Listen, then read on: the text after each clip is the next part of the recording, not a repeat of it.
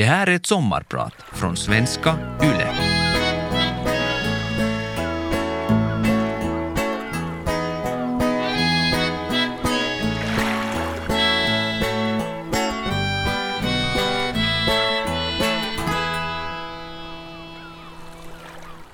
Det är den 14 januari. Vi är ute på Atlanten i en roddbåt. I 33 dagar har vi rott och om allt går enligt plan är vi i mål i Antigua i Karibien om ungefär åtta dagar. Hoppas på det. De tre sista dagarna har vi bara rott drygt 100 kilometer per dygn. Det går trögt och jag mår inte alls bra. Igår gick jag in i väggen igen. Jag hade huvudvärk, magen upp och ner, feberkänsla och absolut inga krafter. Shit, om jag inte blir i skick får Jolle jobba lite hårdare vid årorna igen. Jag ser att Markus inte mår bra. Vi snackade om det och kom snabbt fram till att det vettigaste är att jag ger bort lite av min frivakt åt honom så han får vila lite extra. Själv mår jag OK. Inte hundra, men OK. Det får duga. Under nattvakten mellan ett och tre tänkte jag att det här blir ingenting. Men å andra sidan, det fanns ingenting annat vettigt att göra än att sätta sig vid årorna. Mitt roende blir bara kraftlöst vispande, men som tur får jag strax hjälp av lite medvind. Jag äter lite torkat kött, lite nötter och dricker sportdryck och sen börjar det faktiskt rulla på. Det är helt förfärligt att själv gå på halvfart, att inte kunna bidra till tävlingen. Väckarklockan ringde igen. Klockan är tre på natten. Det är för jävligt att krypa upp och sätta sig vid årorna. Vi har rott lite drygt två tredjedelar och man är trött varje gång klockan ringer. Men vad kan man göra? Vi ska bort härifrån, så det är bara att bita ihop. Atlanten är tystare idag. Det blåser lite mindre. Sidovågorna slår mot båten. Himlen är täckt av stjärnor. Det blir en vacker natt. Det ska nog gå. Bara tusen kilometer kvar. Jag heter Jolle Blessa. Och mitt namn är Markus Mustelin. I det här sommarpratet ska ni få höra om varför vi valde att utmana oss själva att ro över Atlanten om en resa vi aldrig glömmer, om havets oupphörliga dragningskraft.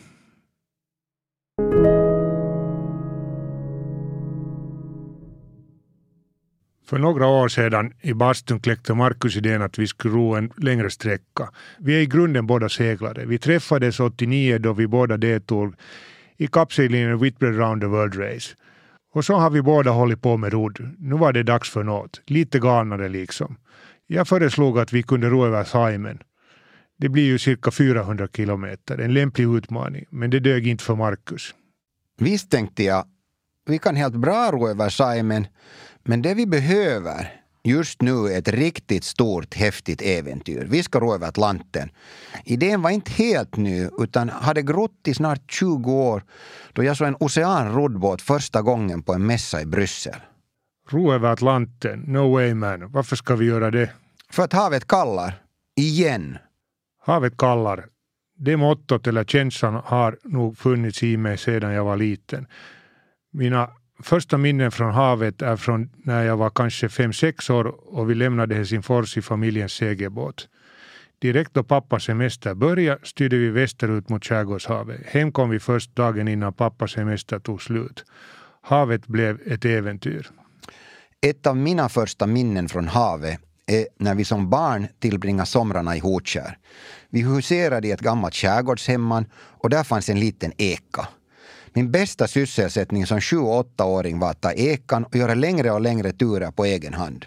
När det blåste hade jag hjälp av ett segel som jag tillverkat och riggat upp alldeles själv. Jag tyckte det var otroligt spännande att tänka sig att på vattnet som jag såg framför mig kunde man segla ända till Amerika. Det var där och då som havet kallade första gången. Efter att Markus kläckte idén om att ro över Atlanten började han bomba mig med mejl och länkar om tävlingar i Atlantrod. Småningom gick det upp för mig att det faktiskt finns folk som ror ute på de stora haven och tävlar. Havets dragningskraft hade vaknat i mig igen. Så det var bara att tacka ja och säga om du vill ro över Atlanten så kan jag komma och hjälpa dig och ro lite på vägen. Vi är båda tävlingsmänniskor. Vi är funtade så att ju längre och ju mera krävande tävling, desto mera energi frigörs från något dolt reservlager. I arbetslivet har väl en och annan burnout varit ganska nära, säkert för oss båda två.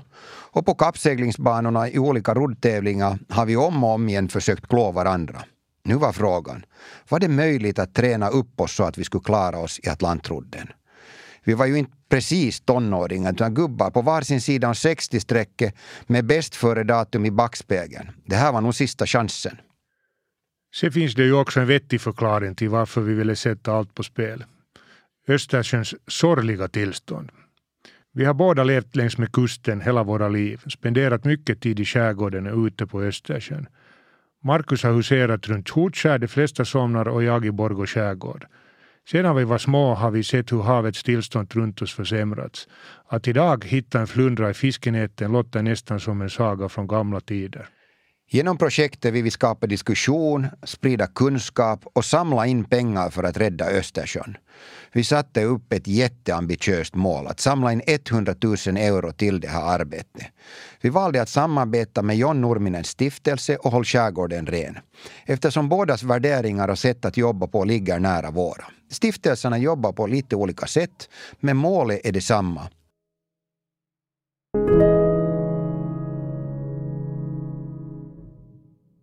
Atlantic Challenge är en årlig roddtävling som går från La Gomera på Kanarieöarna till Antigua i Karibien. Om man skulle ro spikrat från start till mål är sträckan 4800 kilometer eller 2600 sjömil.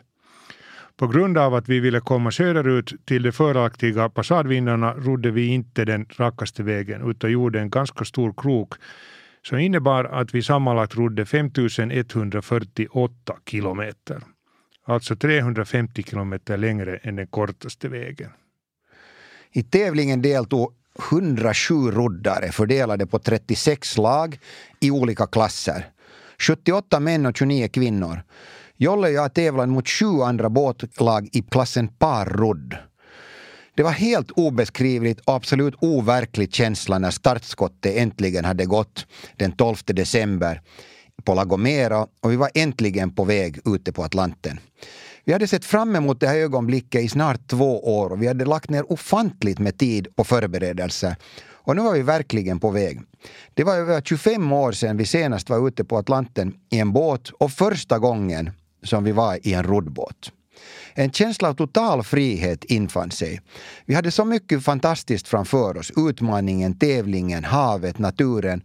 Att få mäta sina krafter och gränser, all spänning och förstås en jättestor respekt för Atlanten i form av väder och vind.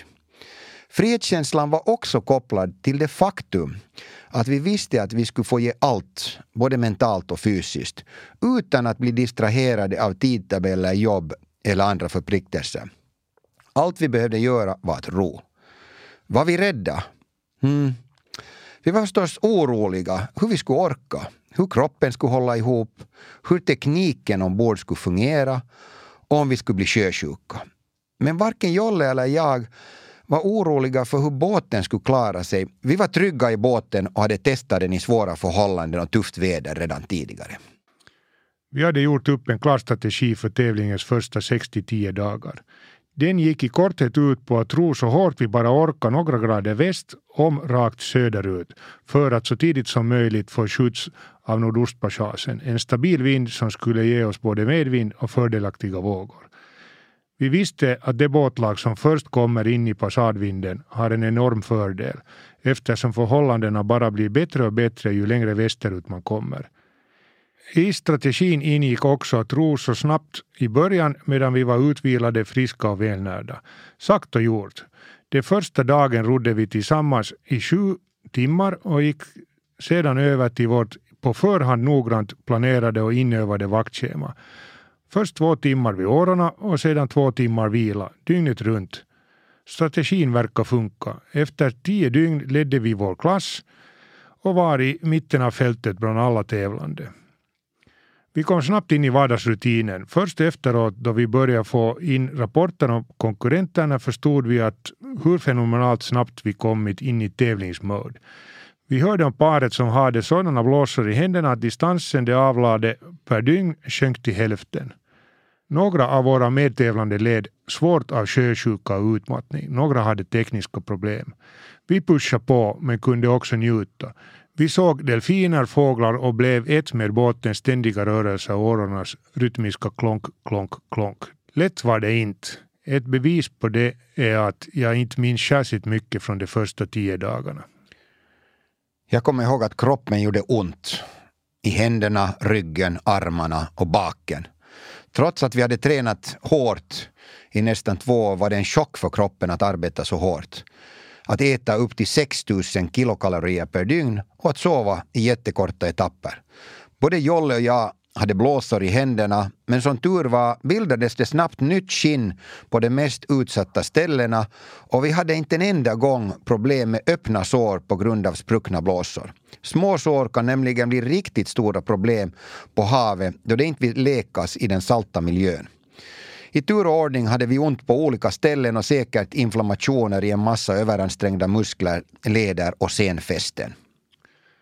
Vi hade två sorters smärtstillande medicin med oss. En vanlig ibuprofen-baserad 600 mg tablett som vi tog då man hade ont på något specifikt ställe och en paracetamolbaserad antiinflammatorisk medicin som vi tog som en kur då vi hade en inflammation av något slag. Under vissa tider de första tre veckorna åt vi parallellt båda medicinerna. Det mest egendomliga var att kroppen efter några veckor vande sig vid arbetet och den senare delen av racet trodde vi praktiskt taget smärtfria och friska. Det skulle visa sig att vi trots vädermödor rodde fenomenalt snabbt.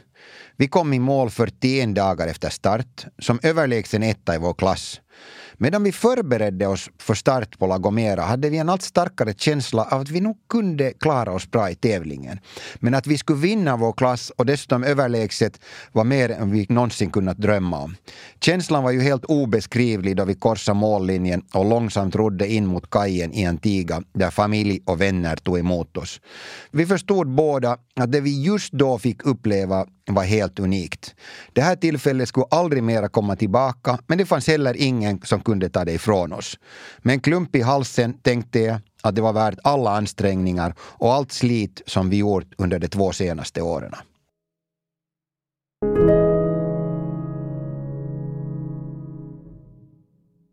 Jag heter Markus Mustelin och tillsammans med Jolle blässar dagens sommarpratare.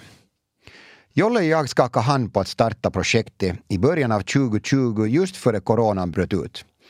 Vi kom överens om att gå all in med den insats som behövdes för att vara på topp och konkurrenskraftiga i tävlingen.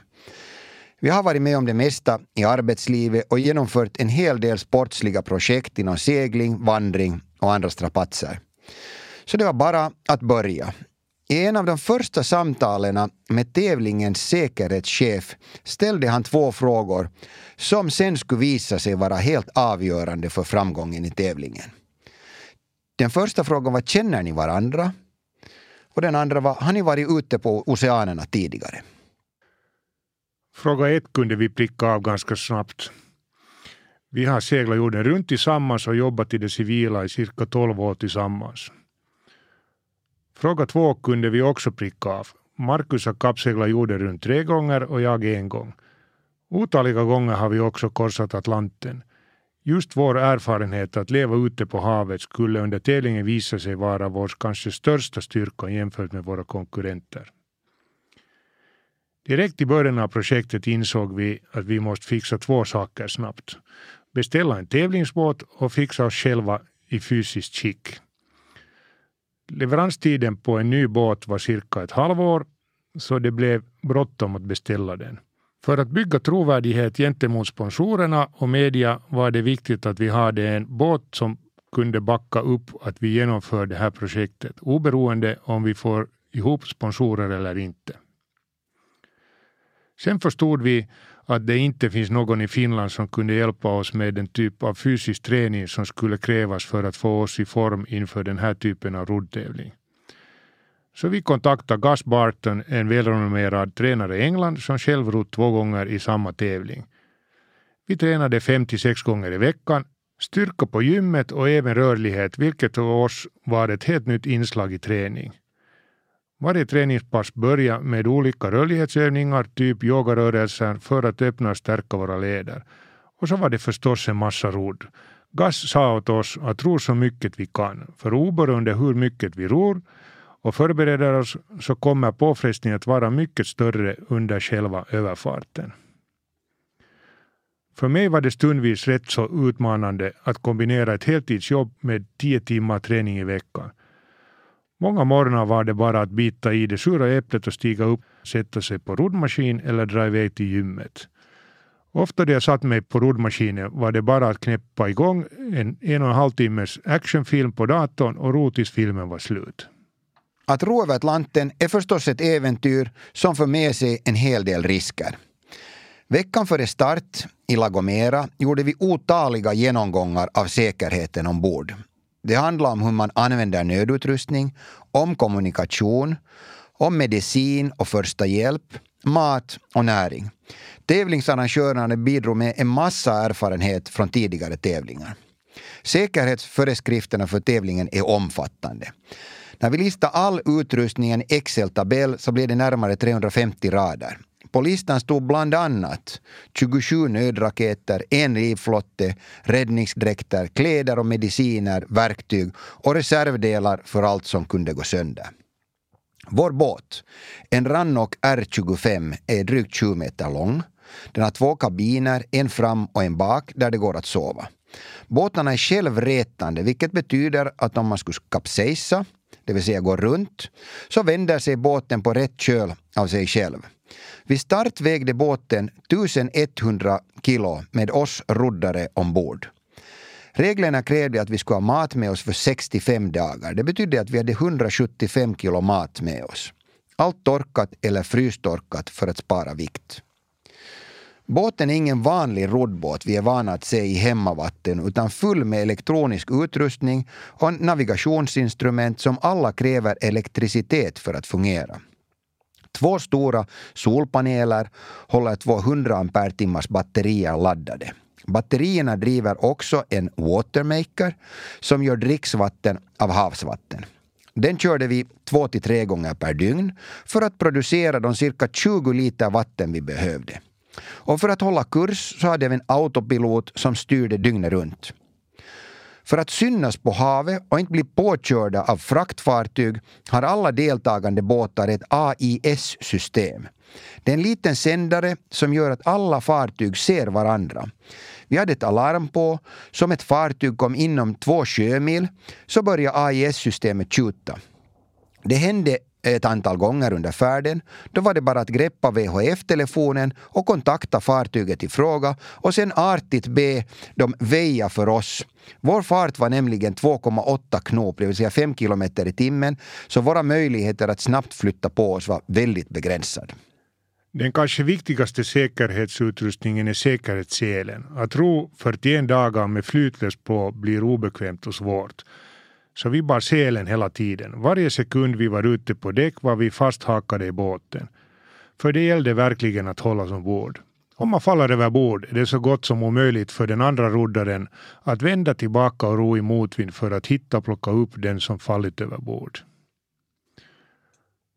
För att få delta i tävlingen måste alla deltagare gå i olika säkerhetskurser. Vi gjorde våra kurser under en vecka i England förra hösten. Första hjälpskurs, sjöräddning, navigation och allmän genomgång av livet på havet i en roddbåt. Vi ritade även upp olika krisscenarion och diskuterade hur vi skulle kunna ta oss ut ur dem. Ett krisscenario var att om vi blev tvungna att lämna båten och gå i livflotten. Ett annat var om en av oss skulle bli allvarligt skadad. Men som tur var så gick överfarten utan större olyckor så vi slapp faktiskt tänka på det här under själva rodden. En viktig del av våra förberedelser var att vi under sommaren före tävlingen lyckades ro en hel del tillsammans. Sommaren 2020 rodde vi från Tahko till slott under åtta dagar i varsin mindre coastalbåt. Under de åtta till tolv timmar långa rodddagarna gick det upp för oss att våra kroppar ännu inte var i tillräckligt bra form. Alla muskler värkte redan vid start på morgonen så vi förstod vikten i att ta den fysiska träningen på allvar kommande vinter. Mera rodd på roddmaskinen alltså.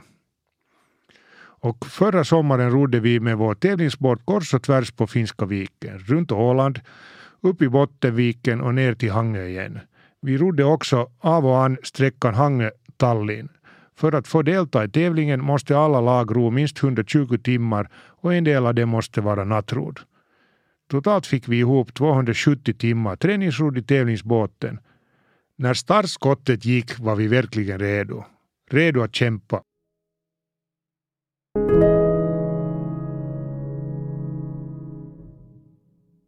Äntligen kom vi iväg. Redan efter några dagar hade vi lyckats komma bra in i roddrutinerna. Nu gäller det att kämpa vidare men också att njuta av den här helt unika upplevelsen. Vi insåg väl att vi kanske aldrig mera ska få uppleva en så lång sammanhängande tid ute på havet. Utan internetuppkoppling, utan vardagens sus och brus. Ute på havet var det bara vi och båten och fåglarna och havets och vågornas rytm och liv. Och man var närvarande i nuet på ett sätt som aldrig annars händer. En vanlig dag, kvart före nio, kom en rapport från våra holländska routing-killar, Dick och John. De satt hemma vid sina datorer och följde med vår båts färd. De analyserade vädret och konkurrenternas positioner och på basen av det rekommenderade de exakt vilken kompasskurs vi skulle ta den följande dagen. Det här gjordes i en kort rapport till vår satellittelefon som vi sen följde upp med ett samtal till killarna. Rapporten var en av dagens höjdpunkter då vi bland annat fick veta hur vi presterat och hur vi klarat natten och de senaste 24 timmarna i förhållande till våra konkurrenter. Ibland tyckte vi att vi hade presterat helt fantastiskt, men då kunde rapporten berätta att vi hade tappat i distans. Ibland tyckte vi själva att vi hade presterat ganska mediokert, men trots det hade vi dragit ifrån våra konkurrenter. Men för det mesta stämde rapporten ändå ganska väl överens med vår egen känsla. Eftersom vi ledde vår klass rätt så överlägset hade vi ögonen mest på två fyramansbesättningar helt i vår närhet. Vi rodde jättenära eh, bägge två hela vägen trots att vi förutom de allra första dagarna aldrig såg dem med blotta öga.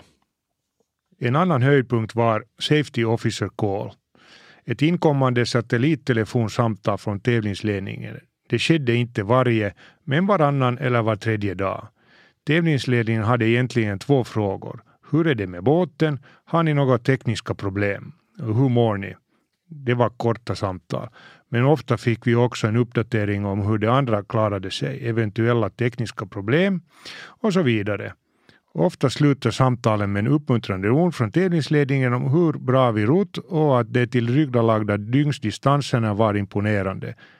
Det här gav förstås extra kraft. Vaktturerna avlöste varandra och det första vi gjorde efter varje avslutad vakt var oftast att gå på toaletten. Det fanns ingen fastmonterad toalett så ett ämbare fick fungera som toalett. Kissa gjorde vi i en bäckenflaska, en så kallad sorsa. Efter det var det matdags. Vi åt turvis antingen ett frystorkat huvudmål eller en havreshake. Sen var det dags att laga mat åt den andra roddaren så att det var klart när han klev av sin vakt knappt två timmar senare. Andra uppgifter som skulle skötas var bland annat navigation, att diskutera om väder och vindförhållanden, samtal med mediateamet, tävlingsledningen eller familjen. Efter en snabb tvätt, oftast med en tvättlapp och några deciliter sötvatten var man klar för att gå och vila. I bästa fall kunde man då sätta väckarklockan och ringa en timme och 20 minuter senare.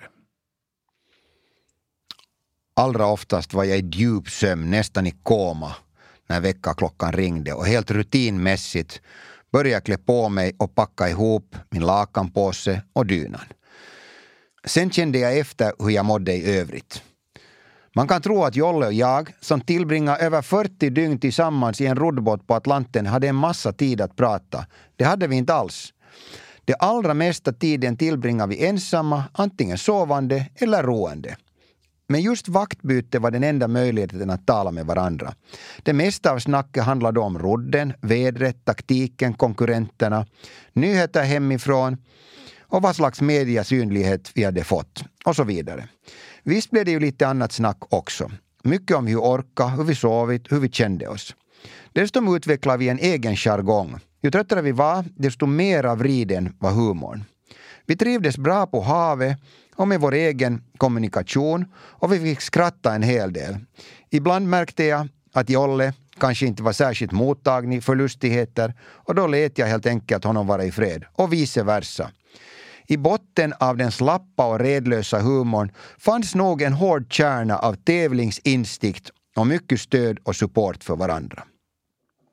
Även om det tekniskt sett var möjligt att för en stund dra in öronen och göra något annat än ro försökte vi in i det sista undvika att ta paus och sakta av farten. Därför skulle man innan varje roddpass gå på toaletten kolla att man hade fyllt på med sportdryck och vatten i flaskorna, att man hade med sig lämpliga snacks, kex, nötter, torkat kött, choklad, godis, proteinstänger och lämpliga kläder. Se till att ha med sig solglasögon, ha en kamera inom räckhåll, smörja in sig med solkräm och kolla väderdata. De första tio minuterna av varje roddvakt på två timmar gick åt att anpassa roddtekniken till rådande väderleksförhållande och till hur stark och energisk man själv kände sig. Ibland när man var trött kändes två timmar oändligt långt, men i de allra flesta fall gick vakten snabbt. Om kvart före nästa jämna klockslag hörde jag väckarklockan från kabinen och visste att jag snart skulle bli avlöst. Den allra största delen av vår fokusenergi gick åt till själva roende. Men det hindrar oss inte från att njuta i fulla drag av tillvaron. Vi var mitt ute på Atlanten i en roddbåt. Vi tröttnade aldrig på att uppleva hur morgonnatten steg för steg övergick i gryning, morgon och dagsljus. Vi insåg varje morgon vilket privilegium vi fick njuta av då vi fick vara med om det här otroliga sceneriet. Klimatet var behagligt och även om vi under hela resan upplevde tre till fyra dagar med stiltje och hetta kändes temperaturen för det allra mesta behaglig. Vi hade shorts på från början till slut, dag och natt. Speciellt under den senare delen av överfarten råkade vi ut för regnskurar med hårda vindar, så kallade squalls, och då fick vi ha regnkläderna nära till hands. Solnedgången var säkert lika spektakulär som soluppgången, men eftersom vi rodde och hade ryggen mot färdriktningen så hann vi knappt vända om för att kolla och vi såg ganska sällan solnedgångar från början till slut. Vi var ju mitt uppe i tävlingen och hade bestämt oss för att ge vårt allra yttersta.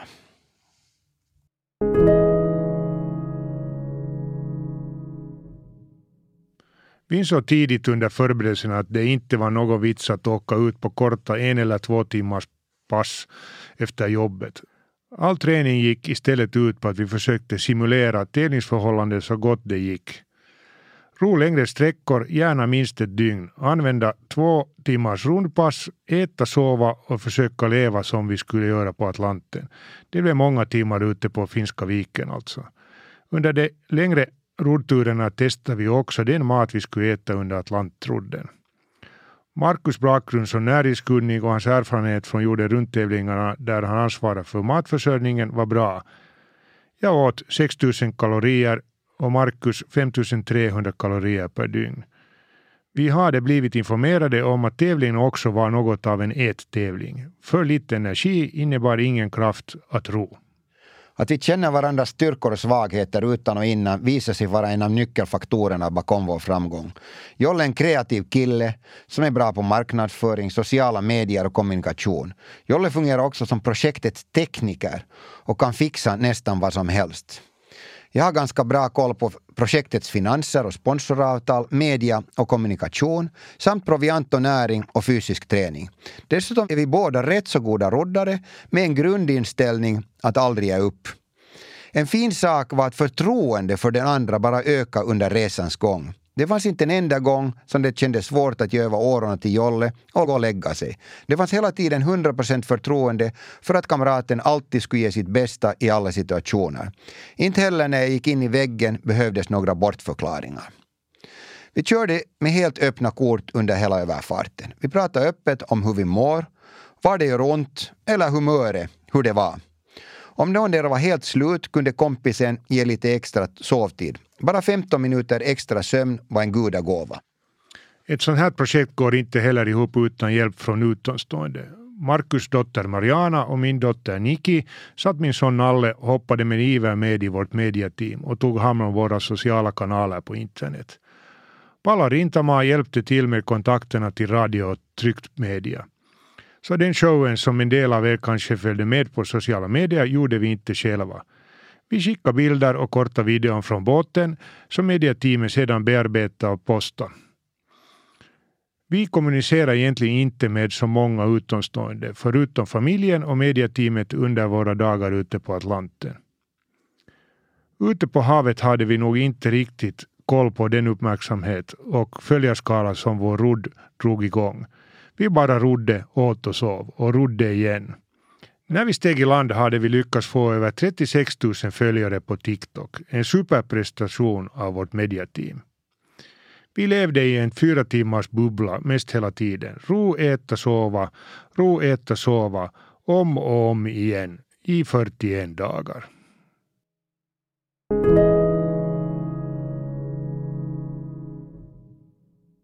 Det är klart. Under de tio sista dygnen längtar vi nog till den komfort livet i land kan erbjuda. En köttbit att tugga, färska grönsaker, att få umgås med familj och vänner, en kall öl. Samtidigt kändes det nog vemodigt när vi närmade oss Antigua och vi visste att det här härliga, fantastiska, underbara äventyret började ta slut. När man sitter där i kolmörkret mitt i natten och med jämna tag driver båten framåt så finns det trots allt en hel del att fundera på. Man funderar på vad som ska bli nästa steg i livet, vad som ska bli nästa äventyr. Många saker blir på något sätt lättare begripliga ute på havet utan all bakgrundsbrus som det vanliga livet bjuder på. Kroppen vänjer sig vid det mesta.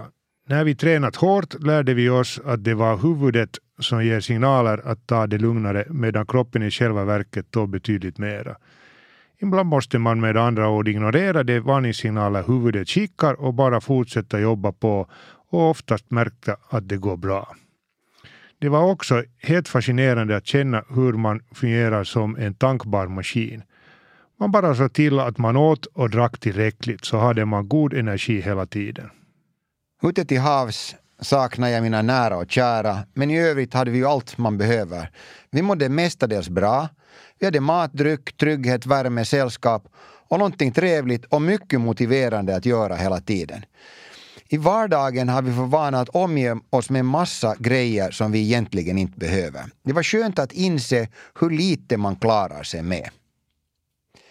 När jag gick in i väggen och också somnade vid årorna såg det tidvis nattsvart ut. För en person som jag, fokuserad på att prestera, gällde det att i sådana här situationer tänka om. Inse att man måste ta ett steg tillbaka. Man kan inte pusha sig hårdare just då. Så det gällde att mobilisera vilja och energi att ta hand om sig själv och sin roddkompis. Vi lärde oss att återhämtning fungerar bäst om man bara såg till att äta, vila, dricka tillräckligt och skydda sig för solen. Vårt sätt att aldrig behöva ge upp var alltså att vara lyhörda för egna och varandras behov och ge den andra möjlighet att återhämta sig så att han så fort som möjligt var tillbaka på hög prestation igen. Vinden blåser i vår riktning, 4-5 meter i sekunden. Solen skiner, det är 26-27 grader varmt. Vi glider fram just under träknop. Jag får syn på några tumlare, kanske fem stycken, som ser ut att korsa vår kurs bakom båten. Snart ser jag några till och lite längre bort ännu fler. Plötsligt är vi omgivna av ett oräkneligt antal tumlare som ser ut att vara de lyckligaste och mest lekfulla av varelser på jordklotet. Vi gissar att det är mellan 100 till 200 stycken, de flesta i grupper på 3 till 5 som i perfekt formation kommer exakt samtidigt upp till ytan för att andas in innan de dyker ner igen. De verkar inte vara ett dugg störda av oss. Vi är ett, vi är tillsammans, vi strålar och glänser i kapp mitt ute på Atlanten. Mitt namn är Jolle Blessa. Och jag heter Markus Mustelin. Tack för att du har lyssnat på vårt sommarprat. Njut och ta hand om varandra och havet.